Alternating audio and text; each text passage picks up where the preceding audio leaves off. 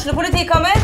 Ine Jansen er purk. Er du purk? The motherfucking bitch. Alt jeg vil, er å finne ut hva som skjedde med mannen min. Jon Carew. Er jeg sikta for noe? Iben Akeli. Det er du.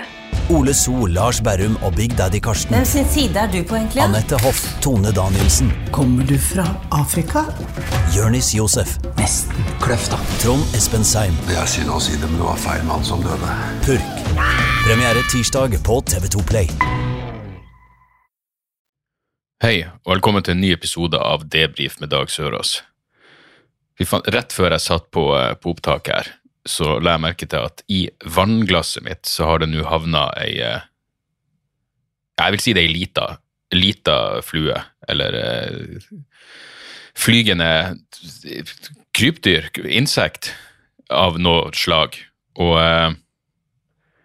Problemet er at jeg spiller inn i tredje etasjen, og det betyr at det er to trapper for å komme seg ned og skifte vann.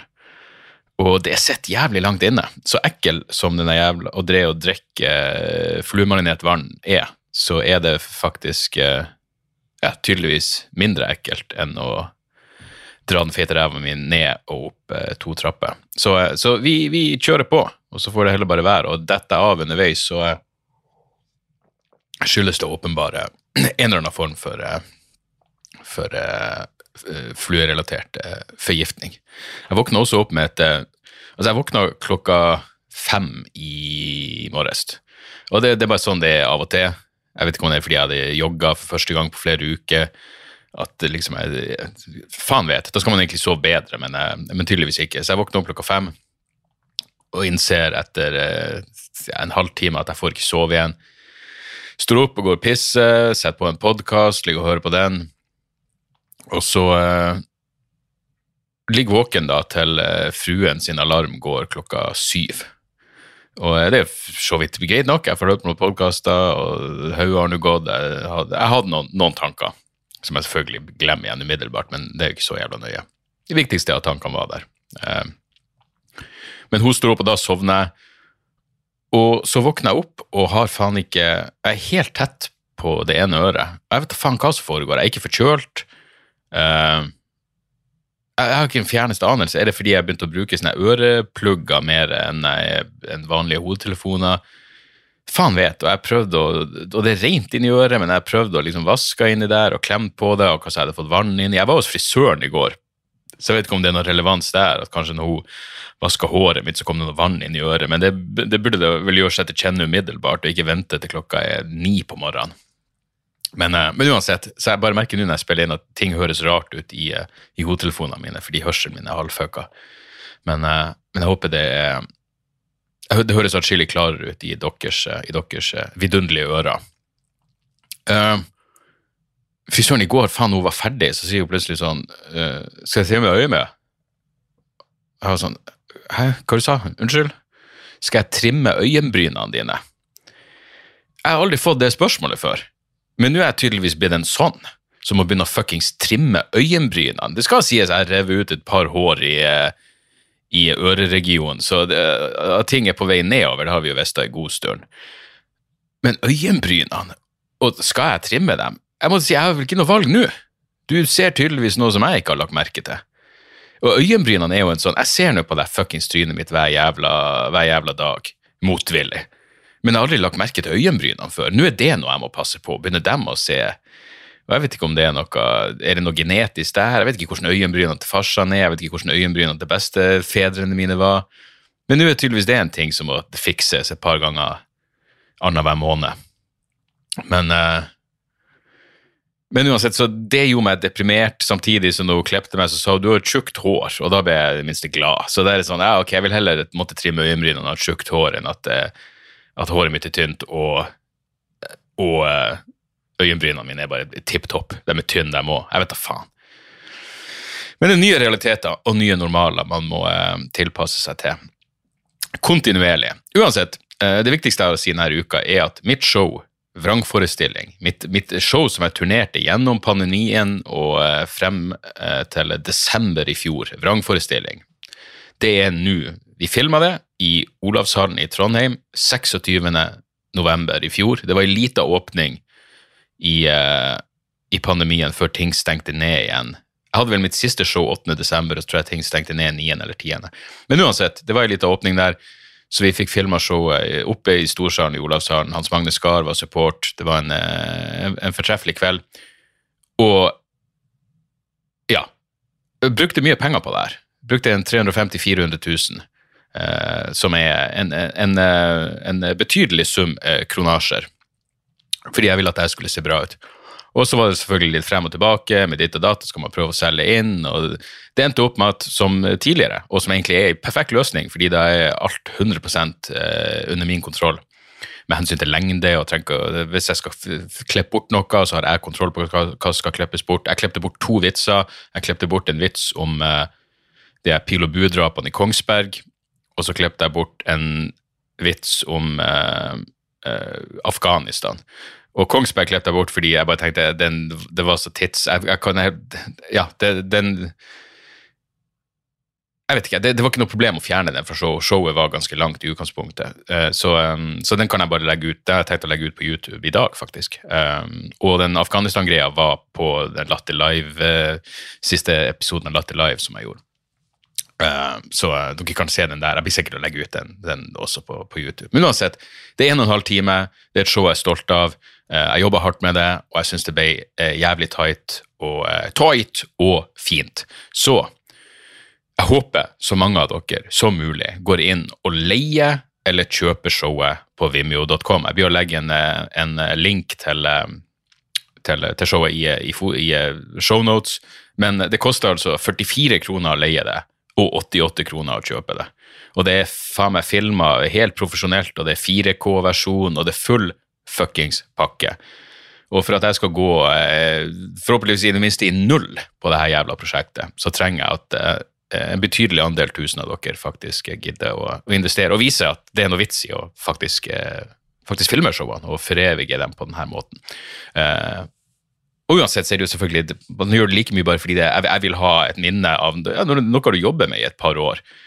Uh, det opptar ganske stor del av, av livet ditt, så, og, og, det blir et, et, resultat som du er fornøyd med, så er det jævlig kult å ha det foreviga.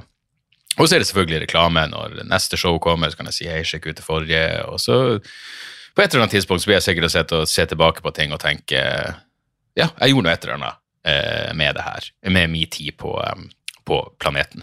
Så uansett, showet er ute. Nå skal det sies, jeg la det ut uh, første Altså den torsdag, første Hva enn det er. På, på, første påskedag. Påske, påsketorsdag, langtorsdag, korttorsdag, hva faen enn. Forrige torsdag. Og så gikk det ikke så lang tid før jeg fikk tilbakemelding på at det var noen sånn blå striper som dukka opp eh, et par sekunder eh, tre-fire ganger i løpet av showet. Og det er jo jævlig irriterende. Sånn skal det jo absolutt ikke være. Den feilen er nå retta opp i. Så her er greia. Hvis du har kjøpt showet eller leid showet og har lyst på en ny fil uten de blå stripene, send en mail til stian at feelgoodistage.no. Feelgoodistage.no. Så vil dere få en ny fil. Og til resten av dere, jeg håper dere, eh, jeg håper dere sjekker ut showet. Fordi jeg er stolt av det. Og, eh, og eh, ja, det, det, det, føles fortsatt Det føles riktig å bare selge det sjøl på denne måten. Um, så um, ja, så der er det. Vrangforestilling på Vimeo nå. Link i shownotes. Utenom det Uh, hva skjedde i nyhetsbildet? Uh, koranbrenning i Sverige. Jeg, har jo prata det temaet til døde, så jeg har bestemt meg for at jeg må bare skifte standpunkt der for å gjøre det form. For jeg, jeg støtter de som fyrer seg opp. Jeg syns det er helt uakseptabelt å pakke en koran inn i bacon og brenne den, eller uh, dynke den i urin før du setter fyr på det. Det er ikke miljøvennlig, men det er først og fremst blasfemisk, og det her er ikke greit. Jeg syns det er greit å brenne bibler. Eh, du kan brenne både Det gamle og Det nye testamentet. Du kan eh, brenne fuckings eh, Bhagavad Gita, du kan brenne Kamasutra. Alt utenom Koranen kan brennes, fordi den, den er i en unik stilling her. Og hvis du brenner Koranen, så må du forstå at det kan innebære døden. Det kan det. Blasfemi kan innebære døden. Jeg syns Sissel Wold i NRK har helt rett når hun sier jeg tror at for oss som er så sekulære her i Skandinavia, så forstår vi ikke hvilken forferdelig ydmykelse det kan være for mange religiøse muslimer å se deres hellige bok ødelagt på denne måten, og trakassert med, og brent, rett og slett. Vi burde ha lært Det var en lærepenge for det mer sekulære Vesten. At grensa for ytringsfrihet og hvor man tråkker på andres religion og hellige verdier. Jeg tror ikke helt man forstår det i Skandinavia, men etter den krisa i 2005 så bør alle forstå hvor ydmyket og trist mange blir når de ser deres hellige bok bli brent. Ja, så nå må vi ha forståelse for det. Hvis noen blir ydmyka og trist, så må vi snu helt om på et av de mest grunnleggende fundamentene ved vår jævla sivilisasjon. Så, så der er det. Slutt på koranbrenning. Andre brøker, brenn i vei. Darwin, kjør på. Artenes opprinnelse kan brenne i helvete. Alt annet enn Koran kan brennes. Uh, det er selvfølgelig en helt fuckings absurd verden. Nok en gang. Hvorfor gir dem den der helvetes intellektuelle amøba fra Danmark det, det eneste han vil ha? Det eneste han vil ha jeg mener, det, det, det, slutter aldri å forbløffe meg at noen kan stå og si de her folkene er fuckings rabiate, voldelige fanatikere, og så oppfører de seg som rabiate, voldelige fanatikere. Og selvfølgelig, jeg tviler ikke på at det kan være kriminelle gjenger involvert, og alt det der faenskapet, og det sosioøkonomiske forklaringer, og bla, bla, bla. Jeg skjønner det, men helvete heller, Sissel Wold. Skal vi i det sekulære. Så vi skal da være så inn i helvete glad for at vi ikke tar og setter overveldende fokus på hvor trist og lei seg noen blir. Hva er det fuckings er det du oppfordrer til, kjerring? Helt jævla sinnssykt. Noen delte en sak på, uh, på Facebook, eh, jeg tror det var der jeg plukka det opp fra Vice, om at 88 stykker i Pakistan er nå dømt for å ha lynsja en, uh, en fabrikksjef fra Sri Lanka. Lynsja han og tatt et bilde med hans brennende lik. Hvorfor? Blasfemi.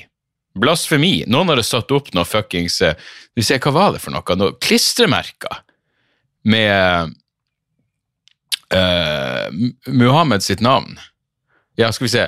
Earlier that day, altså samme dag, tidligere på dagen han ble drept, rumors that he had committed blasphemy by tearing stickers bearing the sacred name of the Prophet Muhammad had spread across the factory, leading to a large protest outside of its gates. Fearing for his uh, safety, he climbed to the roof hoping to escape, but the rioters forcefully dragged him onto the street where they beat him to death. Så, så det, det, altså, det, det, å avbilde Mohammed er no-no, men det å henge opp klistremerker med navnet hans, det er helt greit. Og så er det vel noen som tenker det det her er jo tagging på fabrikkområdet, så han uh, prøver å fjerne de her klistremerkene. Og hva skal man gjøre da? Jo, det eneste logiske, som Sissel, som Sissel Wold ville sagt Altså, vi forstår ikke hvor såra og trist noen blir når de får klistremerkene med profeten sitt navn fjerna fra veggen. Altså, da er det jo altså Da må vi i det sekulære Vesten bare forstå at da drar man Man blir så trist og lei seg at da drar man noen ut på gata og slår dem i hjel og tar en selfie med liket deres. Sånn er det bare. Ok? Det må vi i det sekulære Vesten bare forstå. Og hvis noen syns denne sammenligninga mellom det som har skjedd i Sverige og det som har skjedd i Pakistan her, er tendensiøs, hva tror dere demonstrantene hadde gjort med den danske dåren hvis de hadde fått tak i han? Er det mulig at noen hadde slått han i hjel? Absolutt. Og hvis de først hadde slått han i hjel, er det mulig at noen hadde tatt en selfie med liket hans? Det tror jeg. Det tror jeg. Men sånn er det bare. Vi må bare forstå at man kan bli så trist og lei seg at man torturerer i hjel mennesker og tar en selfie med liket deres. Fy faen i helvete. Hvis begrepet sivilisasjonskamp skal ha noen form for betydning, så er det vel når det kommer til akkurat det her faenskapet. Og hvor la de ut? Jeg går ut ifra hvis de, når de tok det selfiene med liket Det står ikke hvor de delte, og de delte det på sosiale medier. Eh, Facebook og Instagram ville vel ta det ned, men, men Twitter går jeg bare sterkt ut ifra ville latt det være oppe. Eh, fordi eh, Ja, det er sånn Twitter er. Hvordan Twitter blir hvis Elon Musk tar over, det må jo gudene vite. Men helvete heller. Uh, den, her, debatten hvor, For det er en ting, jeg, jeg, har ingen Altså, Elon Musk, jeg syns han er en creepy faen, og det er ikke bare av Virkelig ikke. Egentlig ingenting med autismespektrene som gjør det. bare det at han har en så jævla mørk undertone. Jeg blir aldri å glemme når han var hos Rogan og prata ned uh, uh, uh, hvor farlig covid var tidlig i pandemien fordi han hadde lyst til å åpne de jævla fabrikkene sine. Det hadde ingenting med hva han egentlig mente, eller vitenskapen å gjøre. Det hadde med at han ville åpne Tesla-fabrikkene sine. ikke sant? Men uansett, han, var, han hadde et intervju, et timeslangt intervju på TED nå, hvor han virkelig står frem som en ytringsfrihetsfundamentalist. og Podkasten The Fifth Column, som jeg, som jeg har prata om mange ganger, som jeg liker veldig godt, de prata om det, og de hadde sett intervju, og de var sånn ja, hva, Hvordan kan du se på denne mannen som en trussel? Hva er problemet med Elon Musk? Han sier jo at han støtter ytringsfrihet, hva er galt med det? Ja, ja, han sier det. Han sier i intervjuet at han er patologisk opptatt av sannhet. Elon Musk er patologisk opptatt av sannhet, og også en ytringsfrihetsfundamentalist fundamentalist. Og han har lyst til å berge Twitter fordi det undergraver demokratiet vårt. Vel, er han så sinnssykt opptatt av ytringsfrihet når det går utover han sjøl? Ting tyder jo på, eh, på at det ikke stemmer. Jeg mener, Han har jo gått etter. Han er jo notorisk eh, når han blir illsint og fuckings plager sine egne ansatte. Og han har jo gått etter Eh, en fyr som la ut en eh, YouTube-video, en som jobba på Tesla, men la ut en video med sin egen Tesla-bil, og ingenting var filma inne på fabrikken, hvor han satte spørsmålstegn ved noe bremsesystem eller et eller annet. Ja, Elon Musk går etter han. En eller annen fyr eh, eh la ut en blogg hvor han hadde noen negative omtaler om Tesla-aksjer. Da kontakta Elon Musk han og trua han med søksmål. Ikke sant? Det er det her mektige folk med oppblåste ego gjør. Men hvis du først holder på på den måten, så er det vel veldig vanskelig å samtidig si at du er patologisk opptatt av sannhet. Eller noen form for ytringsfrihetsfundamentalist. Det var en journalist som kritiserte en, eller annen Tesla Model X-launch. Da ringte Elon Musk han opp personlig og kansellerte denne uh, ordren denne personen hadde for uh, denne fuckings bilen. Ok? I tillegg så er han jo kjent for å være illsint og Jeg bare fant det på The Guardian her. Black worker, workers accused Tesla of racism for years. Now California is stepping up. Ja, det høres jo for så vidt bra ut. Hvorfor var det her linka som noe negativt? Uh, ja, Det står bare at det er i lang tid med anklager om rasisme på Tesla-fabrikker. Uh, ja. Ja, Hvis de tar tak i det, så er jo det bra. Det som ikke er bra, er jo Tesla employees det er fra Inside. Tesla employees were reported, reportedly told not to walk past Elon Musks desk because of his wild firing rampages. Han er en sånn en. Jeg har en dårlig dag, så jeg bare sparker folk i hytt og pine. Fordi jeg er en ytringsfrihetsfundamentalist. Hei, det er min ytringsfrihet å få lov å sparke deg bare fordi jeg har en fuckings dårlig dag.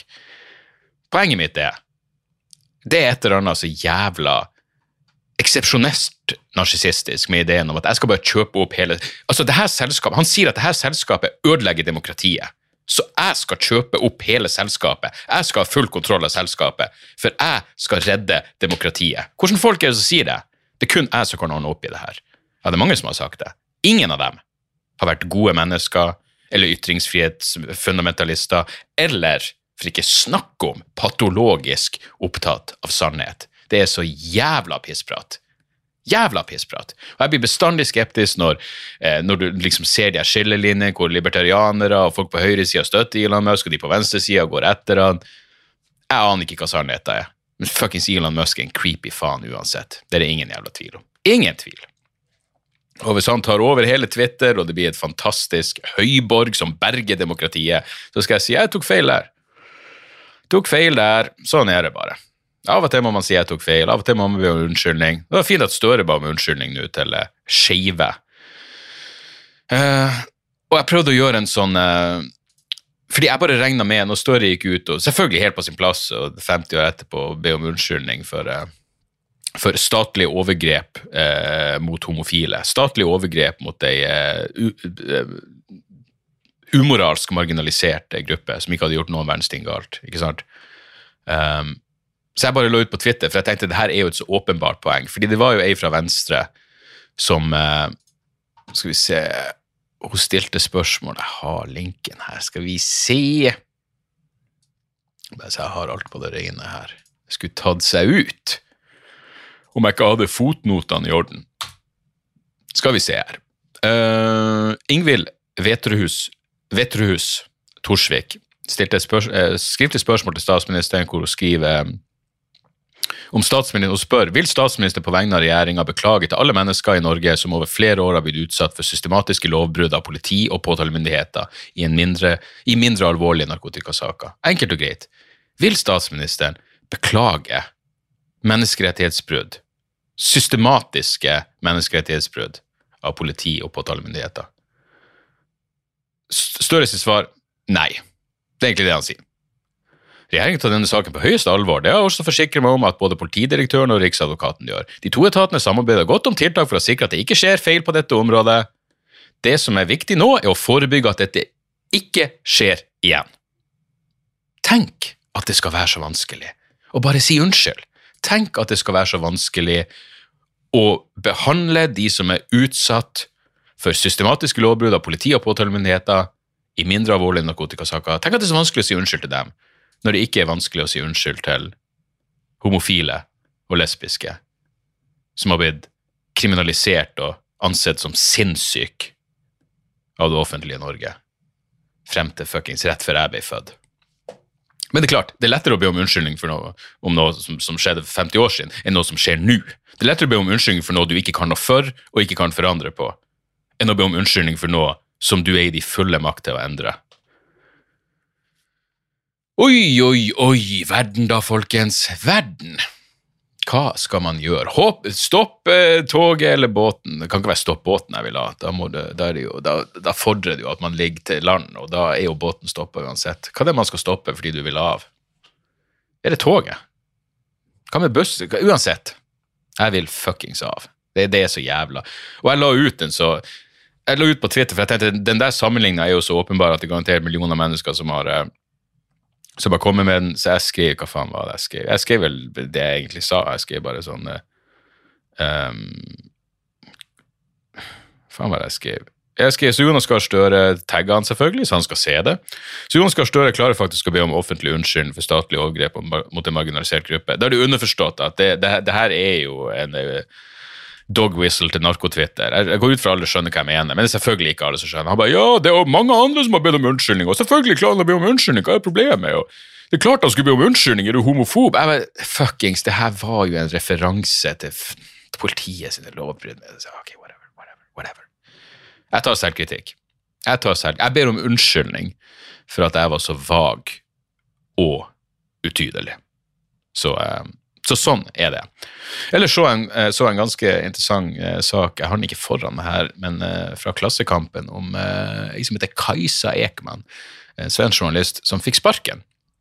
Fordi hun visstnok ikke klarte å sette hovedfokuset sitt på at Russia Today er en propagandakanal.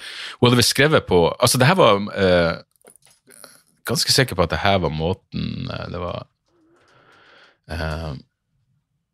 det var fremstilt på Se om den ligger nå bare på nettsida, for jeg har ikke selve avisa tilgjengelig akkurat her. Ja, uansett, jeg er ganske sikker på at uh, uh, Det som skjedde, var at hun hadde kommentert på Instagram at uh, Jimmy Åkesson, lederen for Sverigedemokraterna Ja, den svenske versjonen av han, den danske dildoen hvis navn skal forbigås i stillhet, fordi jeg kommer ikke på hva han heter. Par, Palu, whatever. Paludan. I hvert fall, hun her, da, eh, journalisten, Kajsa, hun skrev noe sånt som at uh, hovedproblemet med Jimmy Åkesson, det han burde kritiseres for, er vel at han er en rasist, og ikke hvordan For Jimmy Åkesson var intervjua på Russia Today, og hun svarte at uh, hovedproblemet er vel at han er rasist, ikke at han er intervjua på Russia Today. Uh, og så mente mange at hun hadde trivialisert og ikke anerkjent det faktum at Russia Today er russisk propaganda og bla, bla, bla. Og det er det jo, uten tvil. Men det fikk meg virkelig til å tenke, nå når vi nå er noen, noen uh, fuckings hva måneder inn i denne krigen Jeg lurer på om Russia Today, deres forsvar for det Russland holdt på med i Ukraina, om det er noe verre enn det CNN holdt på med under Irak-krigen. Og igjen, det her er jo det jeg ofte prater om, whataboutism, men av og til har whataboutism sin plass. Jeg tror CNN var akkurat like jævlig. Jeg husker at jeg pleide å se på CNN, og det var sånn eh, Men det, gjaldt jo amerikanske medier generelt. Ukritisk fremstilling av at vi går inn for å eh, fjerne Irak sine masseødeleggelsesvåpen. Eh, det var så ren propagandalinje som du faktisk kunne få det. Og det var noen få stemmer som slapp til med kritiske blikk, fortsatt innenfor rammen av hva som er akseptabel kritikk av eh, essensielle eh, krigsforbrytelser, aggresjonskrig jeg tipper, jeg tipper, Russia Today, og det har jeg lest enkelte plasser, at av og til så slipper det til folk som er, som er kritiske, men innenfor rammen. Ofte er kritikken bare Kritikken kan være vi, vi, er ikke, vi er ikke hardcore nok i Ukraina. Uh, og det, de stemmene fant jeg selvfølgelig etter hvert i uh, uh, vis-à-vis USA og Irak også. Men det er fascinerende. Du mister, du mister vel ei frilansstilling, men, men uansett, da begynner det å bli litt sånn kvelende eh, konsensuskrav når det kommer til journalistikk. Sånn at det er liksom ting man kan eh, Sånn som jeg hørte på et, et intervju med, med Noam Chomsky om, om, Ukraina, og det er mye av det han sier som, som irriterer meg.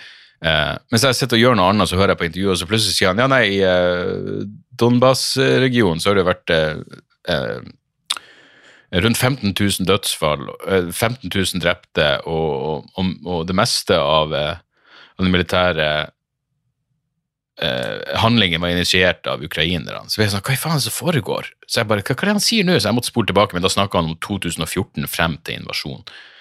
Eh, og det har jo vært krig i, i, i det østlige Ukraina eh, i, i, åtte år, før denne krigen. da.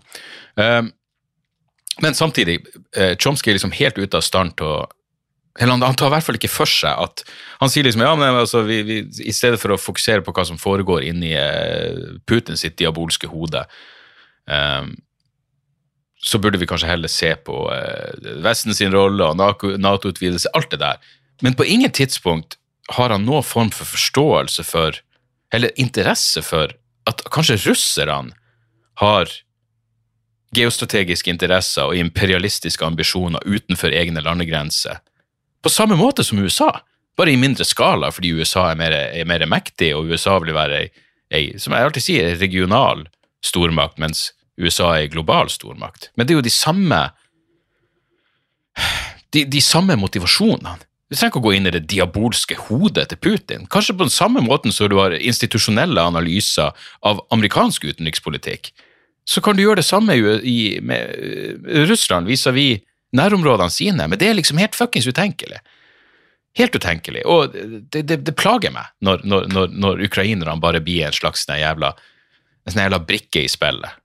På samme måte som den, den oppfatninga jeg hadde lenge om liksom at ja, nei, det, det, kuppet mot Janukovitsj i 2014, det var jo det var jo instigert av CIA og alt det der. Ja, nei, kanskje det ukrainske folk faktisk hadde et ord med i laget. Kanskje de ville ha i retning vestover kontra en nærmere, eh, nærmere eh, innlemmelse i, i, i, det russiske økonomiske systemet, fordi de, de så at det er, mer, det er mer fruktbart vestover. Alt er ikke fuckings USA. Igjen, det går tilbake til det som man kaller left wing American exceptionalism. Som virkelig er en greie, hvor alt i bunn og grunn må handle om Washington. Og da er du da kan du fort havne i fuckings Steigan-nivå.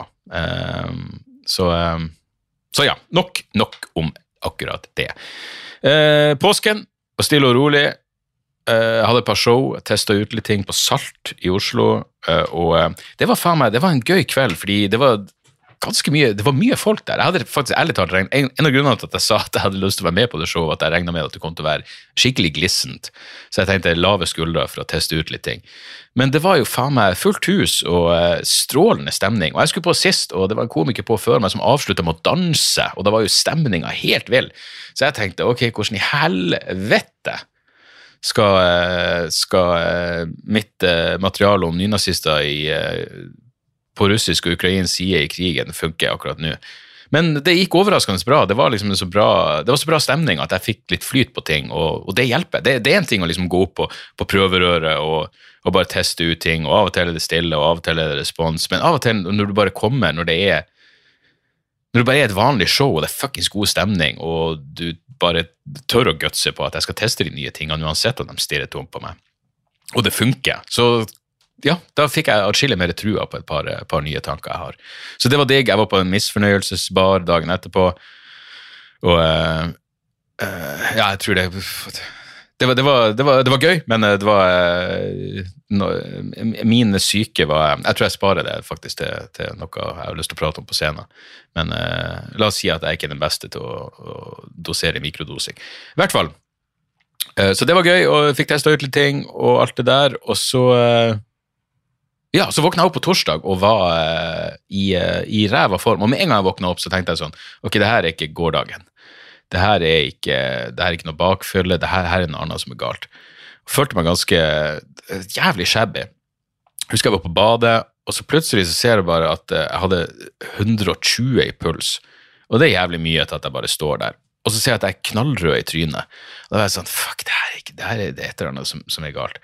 og så utpå kvelden fikk jeg feber og lå rett ut og tenkte fuck, jeg har fått influensa, er det covid, er det omgangssjuka, men jeg var ikke noe kvalm, hva faen. Og fredag lå jeg bare rett ut. Jeg lå hele jævla dagen. Uh, og uh, endte opp i et sånn jævla BTK rabbit hole, altså han bind, torture, kill. Han morderen som de som, som er, er begynt å dukke opp i siste sesong, er det vel serien Mindhunters, som jeg faen håper kommer tilbake på Netflix, for det er jo noe av det aller aller beste de hadde. Men han, var, han var, lever enda, men grusom, grusom seriemorder, og ekstra creepy fordi han bare var en, han var en familiefar. Bare en vanlig fyr.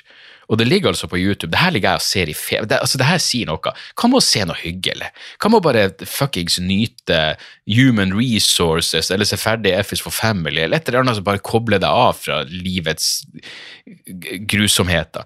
I stedet så legger jeg meg ned først så ser jeg en dokumentar om BTK, og så på YouTube ligger hele innrømmelsen hans. Det er en time hvor han går gjennom alle drapene sine. Og det er faen meg noe av det mest creepy faenskapet jeg noen gang har sett i hele mitt liv. Fordi han er altså så er, det, det, er som en døll fyr som forteller om hva han hadde til middag.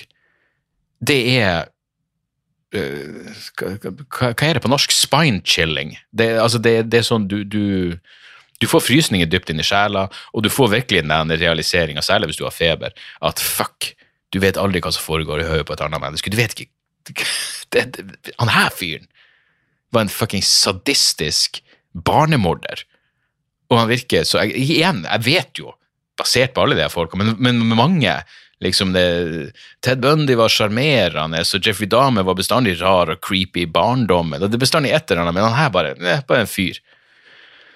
Vanlig middelaldrende døll kuk, som i tillegg var en fuckings helt hinsides jævlig sadist. Grusomt. Grusomt. Men, uh, og så selvfølgelig, når jeg først var der, hva gjør jeg resten? Jeg, jeg ser hele første sesong av True Detective om igjen. Um, fordi den har liksom festa Jeg hadde bare sett den én gang. Uh, jeg så selvfølgelig når den kom ut, og tenkte det her er topp tre av alle serier uh, gjennom tidene for meg. Jeg mener fuckings Rust er, er Matthew McConaughey-karakteren er liksom ja, Hvis du ser han, så skjønner du selvfølgelig at jeg elsker han av hele mitt hjerte, men det, det, er liksom bare Rustin Cole er faen meg Jeg må kjøpe Når vi flytter til neste år, så må jeg kjøpe en ny fuckings eh, Jeg må ha en, jeg en innramma plakat av Rustin Cole på veggen. Noen annen vil være eh, en, en parodi på eksistens. Men uh, det var fortsatt dritbra. Helvete, jeg digger det. Um, og jeg må si, avslutninga Man kan ikke ha en spoiler alert på en serie fra 2014, men spol nå frem 30 sekunder. Jeg kan huske at når jeg så den, så ble jeg skuffa over at Rustin Cole hadde den uh, nær døden-opplevelsen som liksom gjorde at han så litt lysere på ting, og han så dattera, kona og alt det der. Nå når jeg så det om igjen, helt annen oppfatning. Jeg syns det var en dritbra slutt. Diametralt motsatt uh, uh, opplevelse av slutten. Der jeg syns den virka cheesy og som en sell-out. Nei, nå snudde det liksom til hvor Rustin Cole prøvde å uh, liksom, McConney prøv, plutselig prøvde å gjøre Woody Harrison litt mer optimistisk. Jeg, jeg vet ikke, det, det var såpass kort. Det, det virka ikke Jeg syns ikke det virka påtatt eller uh, noe sånn fuckings Hollywood-piss i det hele tatt. Jeg synes ikke Det var sånn, å, det, det er ikke som om ikke det her er mørk, noe av det mørkeste faenskapet som noen gang er lagd uansett.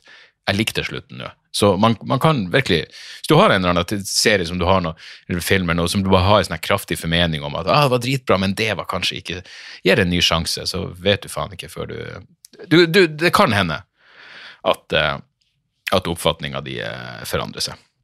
Utenom det så eh, jeg gjorde jeg noe annet. Jeg gjorde podkasten Skravlekla, Skravleklassen eh, i påsken. eh, fordi Sturla Haugsgjerd, som driver den podkasten, hadde masa ganske mye. Og,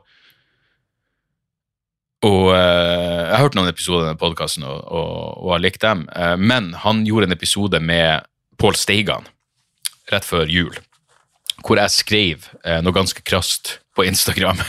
som jeg la ut som en story om den episoden. Og så kontakta Sturla meg, og så, det er mulig jeg har nevnt det her før, men så hadde vi en frem og tilbake, og så skrev Sturla er det ikke rart at vi har en så hyggelig tone oss imellom, mens når den liksom skal kommunisere offentlig via andre, så, så blir det så mye krassere. og sånn. Så jeg var sånn, det er et godt poeng. Så han ville prate litt om det, eh, og vi snakka om det, og fuckings gudene vet hva, er masse annet.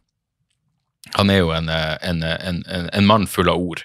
Så um, den kommer vel neste uke, så dere kan sjekke ut det hvis dere vil føle for det. Men uh, det synes han hadde forventa at det her skulle bli litt mer anspent på et eller annet vis. Jeg sa, det, er ikke noe, er ikke noe bad blood mellom oss i det hele tatt, så, så la oss nå bare prate. Så, uh, så, ja, hvis dere har noe interesse for uh, Den er kanskje veldig Den er for nisjefolk som er veldig interessert i intellectual dark web og Steigan-debatten og alt det der faenskapet. Men, men uansett. Uh, ja, så ellers, i, i kveld, uh, fra, når det her er spilt inn De eneste av dere som får denne episoden i dag, er jo folk på Patrion. Og hvis dere vil ha reklamefrie episoder av podkasten, uh, i tillegg til masse annet bonussnacks Og nå snakker vi snacks. Det ligger noe snacks der inne. så reklamefrie episoder, bonusepisoder og snacks. Snacks så, um, så, kan dere gå inn på patrion.com slash dagsoras og signe opp der. Det er tre forskjellige medlemsnivå. Uh, jeg differensierer ikke innholdet, hva folk får, basert på hvor mye de, de, er villige til å betale. Alle får det samme, men det er kult å ha tre forskjellige nivå, alt etter hva folk eh, føler for. Uh, så patrion.com slash dagsoras. Um, ja, var jeg på vei til å si noe annet? Jo, poenget mitt er at i kveld Eh, skal jeg ha, være support for Hans Magne Skar. I kveld har Hans Magne omsider eh, premiere på showet sitt rett i pennalet. Eh, og takk for bra tilbakemeldinger på den episoden jeg gjorde med Hans Magne før påske. Jeg syns det var en jævlig fin prat, og han er jo absolutt et av mine favorittmennesker. Så i kveld har jeg eh, åpna opp for han. Eh, dere på Patrion eh, hører det muligens i tide, men resten av dere, eh, hvis dere hører det på fredag eller lørdag, så har Hans Magne showet på Njø scene klokka 21 torsdag, fredag, lørdag. Rett i pennalet. Kommer til å bli helt fuckings gull. I helga så er jeg på Nygårdsjøen i Gildeskål kommune og Halsa, hvor i faen enn det er. Begge er sør for Bodø. Altså Nygårdsjøen, der, der, har jeg vært en gang før. Jeg husker jeg hadde prøveshow. Uh, eller jeg hadde et eller annet prøveshow. Liksom alt utenom fuckings selve showene. Liksom, når man setter opp en turné, er jo prøveshow. Men, men uh, jeg, var, jeg, husker jeg var der sammen med en komiker som heter Lars Petersen for noen år siden. Og det var interessant å være tilbake på Nygårdsjøen. For det første fordi det er eh, veldig nært eh, Sandnessjøen. Nei, Sandnessjøen. eh, Sarnornøy, for faen. Der fruen kommer ifra. Eh, og arrangøren på dette showet på Nygårdsjøen, eh, Stian, han er faktisk grunnen til at jeg og fruen er sammen. Fordi eh, jeg traff fruen via Stian. Uh, han hadde fest, og der var hun, og så uh, gikk det sånn som det gikk, sakte, men sikkert. Men, uh, så det gleder jeg meg jævlig til. Nygårdsjøen på fredag og Halsa på lørdag, sammen med motherfuckings Kevin Kildahl og motherfuckings Henning Bang. Det eneste jeg hang meg opp i, hvordan i faen våger de å skrive tre komikere fra tre forskjellige generasjoner? Hvordan i helvete er vi tre forskjellige generasjoner? Er ikke jeg og Kevin Kildahl i samme jævla generasjon? Jeg er elleve år eldre enn han. Vi er da ikke i forskjellige fuckings generasjoner. Jeg kunne vært faren til Henning, men hvis jeg skulle være faren til Kevin, så måtte jeg faen meg vært tidligere utvikla og eh, sjarmerende i ung alder for å si det mildt, for at jeg skulle klart å eh, presse ut en liten, eh, en liten skalla, skjeggete jævel i en alder av elleve år. For det tror jeg ikke går. Vi er ikke forskjellige, Det er ikke tre forskjellige generasjoner den kvelden. Men det får nå så være, det er ikke poenget. Det kommer til å bli en strålende jævla kveld. og jeg gleder meg som helvete. Utenom det, husk nå for faen å sjekke ut vrangforestilling på Vimeo. Jeg setter veldig pris på om dere uh, gjør den lille investeringa. Jeg tror dere vil synes det er verdt det. Så et par tips helt på slutten. Jeg vil anbefale podkasten Knowledge Fight, som er en podkast om Alex Jones av to stykker som følger han eh, veldig nært. Han ene var faktisk eh, involvert i rettssaken mot Alex Jones nå, og de har annet en greie hvor de går igjennom hele Alex Jones sitt vitnemål i forbindelse med det søksmålet mot han av eh noen av familiene til unger som blir drept på Sandy Hook, skolemassakren, grusomme saker. Men hvis dere er interessert i Alex Jones og hans fuckings galskap. De, de, er, de, to som driver den podkasten, er jævlig smarte og mye bra analyser om, og ofte intervju med interessante folk. og Jeg skal akkurat begynne å lese i bok om, eh, om, eh, ja, om Sandy Hook og, og, Alex Jones, fordi jeg har, eh, har noen vitseideer. Men uh, uansett, podkasten Knowledge Fight uh, Jeg så, um, jeg så dokumentarserien omsider så jeg drapet i Akebakken. Uh, veldig bra og forstyrrende. Og nok en gang bare Hva i faen? Hvilken måte er det politiet avhører folk på? Avhører unger på? Det er Det er fuckings ja, det, det, det, er en eh, forstyrrende dokumentar, og jeg skjønner ikke hvordan jeg politifolkene lever med seg sjøl. Jeg kan ikke forstå tanken på ja, men vi må bare oppklare det her. Og så fremst ingen klager på oppklaringa, så, så, gir vi faen i å følge opp åpenbare andre eh, spor og vitneobservasjoner som kan være veldig interessante. Det er ganske, ganske sprøtt. Ja, eh. Ja, og så eh, Jeg er nødt til å stikke, folkens, men eh, eh sjekk ut drapet i Akebakken og sjekk ut formen, filmen X. Helvete, jeg digger den. Oh, liksom, det, det, er mye uh, ræva på horror-slasher-fronten, men altså, nei, Ty Westin-film X, faen for en Jeg, jeg storkosa meg så inn i helvete. Det var en fryd fra start til slutt. Jeg mener bare ideen om at noen skal spille inn en pornofilm, og så blir de slakta. Det er perfekt. I tillegg er det en sånn åpenbar uh, hva, man, hva man skal si, det er en sånn det, det, er en symbolikk i filmen som er veldig tydelig om eh, nyt livet mens du har det, og pul mens du kan, før du blir brutalt drept. Så sjekk ut filmen X. Jeg syns i hvert fall at den var eh, sann jævla fryd. Det var det jeg hadde denne uka, folkens. Vi høres snart igjen. Tjo og motherfuckings høy. Moderne media. Har du et enkeltpersonforetak eller en liten bedrift? Da er du sikkert lei av å høre meg snakke om hvor enkelt det er med kvitteringer og bilag i fiken, så vi eh, gir oss her, vi. Fordi vi liker enkelt. Fiken superenkelt regnskap.